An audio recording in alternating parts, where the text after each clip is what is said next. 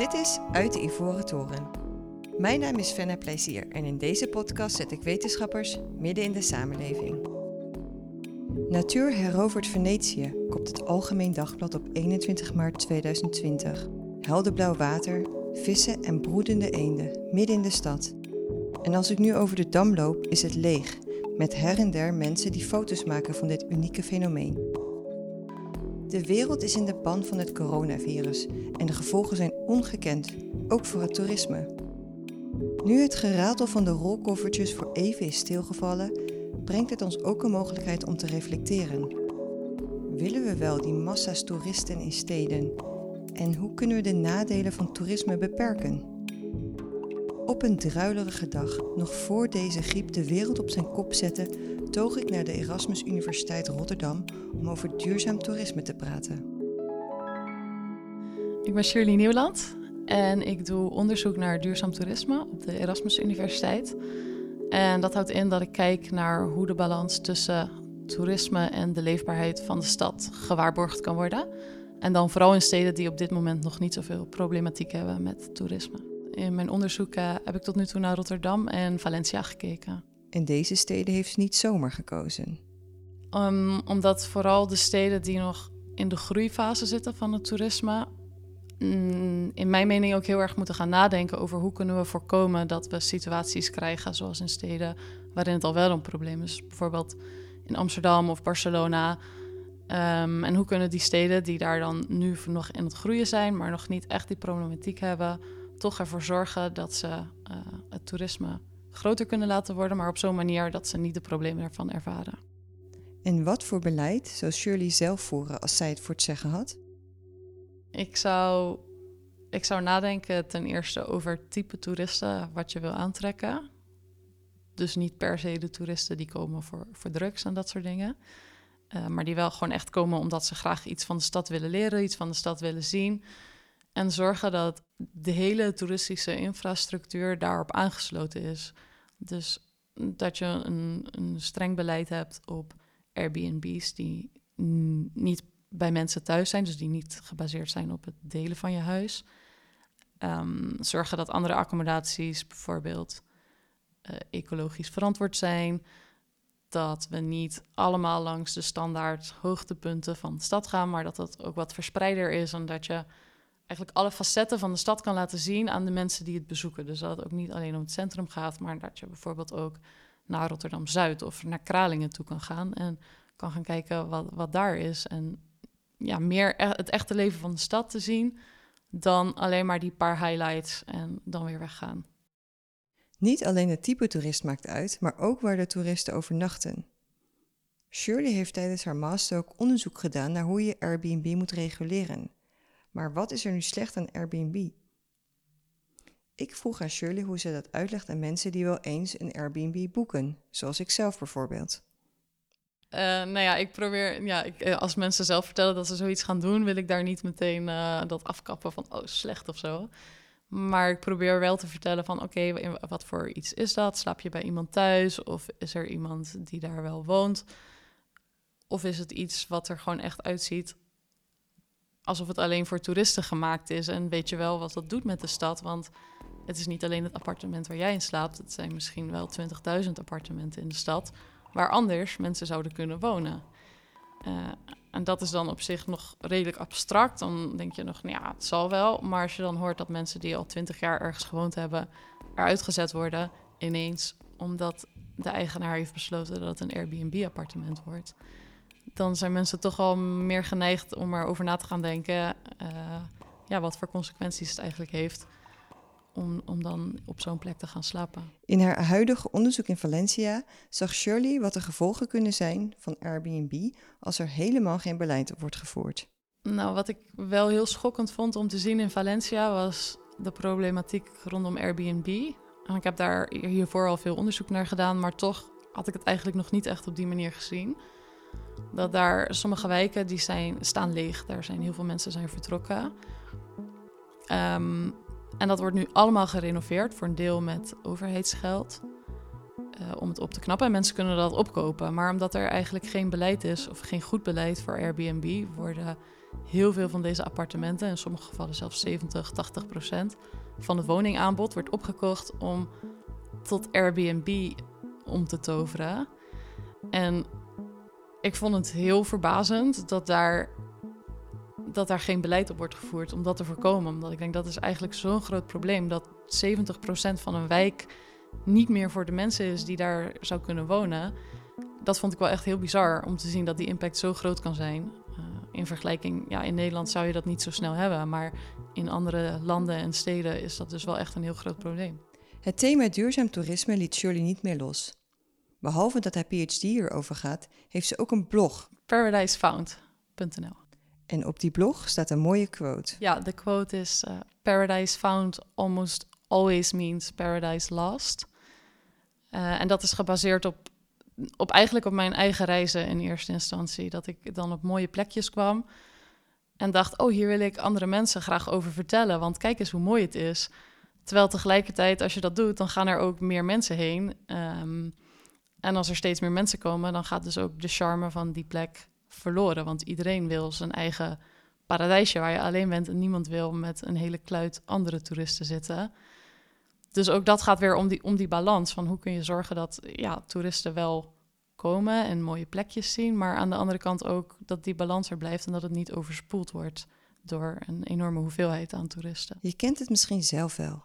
Je bent ooit op een mooi en rustig plekje geweest, maar als je daar een aantal jaar later weer terugkeert, is het volgebouwd met hotels en is er van de rust weinig meer te bekennen. Hoe kunnen we deze populaire plekken beter beschermen? Oftewel, hoe ziet duurzaam toerisme er eigenlijk uit? Voor mij is duurzaam toerisme iets waarbij het in balans is met de leefbaarheid van de stad. Dus dat kan op allerlei vlakken zijn. Dat kan milieukundig zijn, maar dus ook meer de sociale impact en de economische impact. En dat de komst van toerisme eigenlijk niet ten koste gaat van het leven voor de bewoners en ondernemers in de stad. Dat, dat die balans eigenlijk gewaarborgd blijft. En die balans komt volgens Shirley terug in het model van de donut-economie van econoom Kate Raworth. De donut en de donut-economie is een nieuwe vorm van kijken naar de economie, dus een nieuw economisch model waarbij je kijkt naar de grenzen van de samenleving. Dus eigenlijk de buitenrand van de donut staat voor de, de ecologische grens, uh, waar, die we eigenlijk niet moeten overschrijden met uh, de mensheid. En de binnenste ring van de donut, daarin zitten dingen zoals uh, sociale voorzieningen en leefbaarheid van mensen, die ook beschermd moet worden. Dus waar het op neerkomt is dat de leefbaarheid van de mens en de economie, die moet binnen die, die ring van de donut plaatsvinden. En die moet niet naar binnen tekort schieten, maar ook niet aan de buitenrand over de grenzen heen schieten. Ja, toen ik voor het eerst over de donut-economie hoorde, zag ik eigenlijk meteen die link met toerisme, omdat je ook daar die grens van, van uh, het klimaat ziet, waar, waar toerisme best een impact op heeft qua, qua vliegen, maar ook accommodatie en dat soort dingen.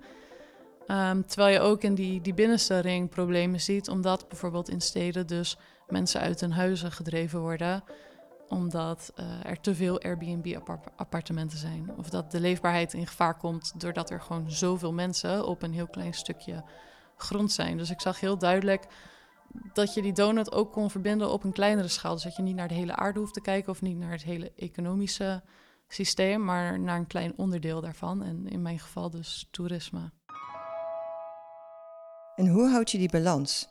Het wordt je namelijk wel heel makkelijk gemaakt om een reis te boeken. En vooral met de druilige novemberdagen in het vooruitzicht is de verleiding heel groot om een vliegticket te boeken naar zonnige oorden. Shirley en ik kijken samen op cheaptickets.nl. Nou, ik zie uh, hele warme en zonnige bestemmingen, waar ik best wel graag zou willen zijn op dit moment, als ik uh, naar buiten kijk hier.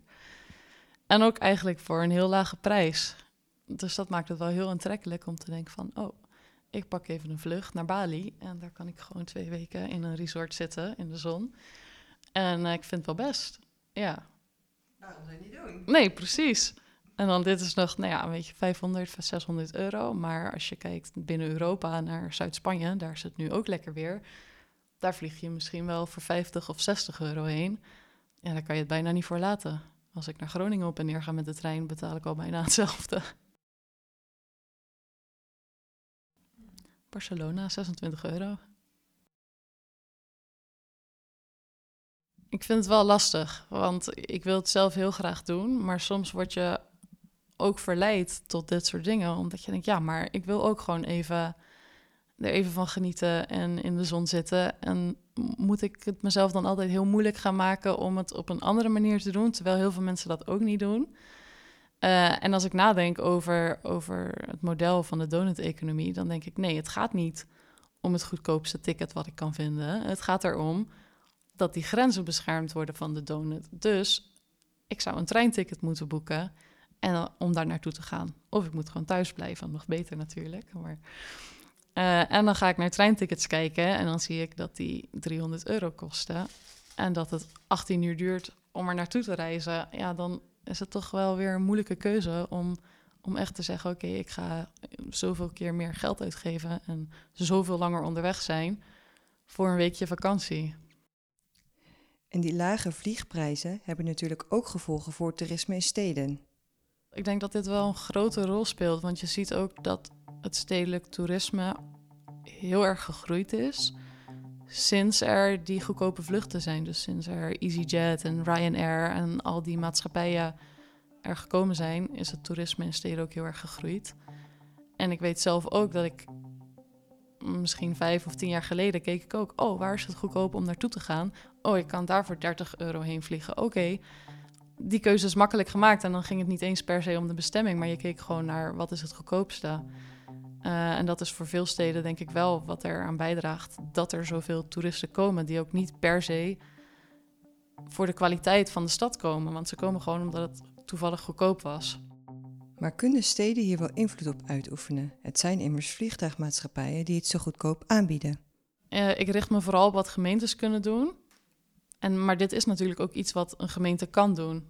Zij hebben ook invloed op hoeveel vluchten er komen, of er een nieuw vliegveld wordt aangelegd, dat soort dingen.